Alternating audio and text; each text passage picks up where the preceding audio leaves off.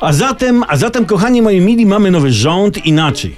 Mamy nowego premiera, pana Mateusza Morawieckiego i to jest autorski rząd Mateusza Morawieckiego, tyle że nie on jest jego autorem. Pan Mateusz bowiem objął cały rząd pani Beaty Szydło, która wcześniej objęła autorski rząd prezesa Jarosława Kaczyńskiego.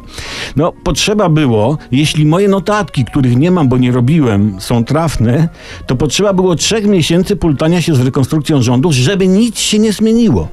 Nowych twarzy zatem w rządzie na razie nie zobaczymy, te stare muszą nam wystarczyć, bo jak powiedział premier Morawiecki, będzie to rząd kontynuacji. To prawda, rząd będzie kontynuował swoją rekonstrukcję przez najbliższy czas. Chociaż ja bym wprowadził jedną kosmetyczną, aczkolwiek dość istotną zmianę już teraz. Ministra Szyszkę dałbym na ministra zdrowia, a ministra Radziwiła na ministra środowiska.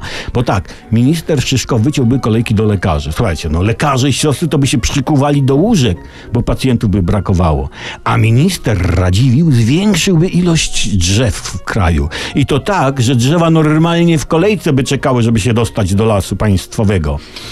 Jodła? Mhm, tak, jodła, jodła. No, mamy termin do Puszczy Knyszyńskiej na 2025 rok, październik. No, do prywatnego lasu za miesiąc.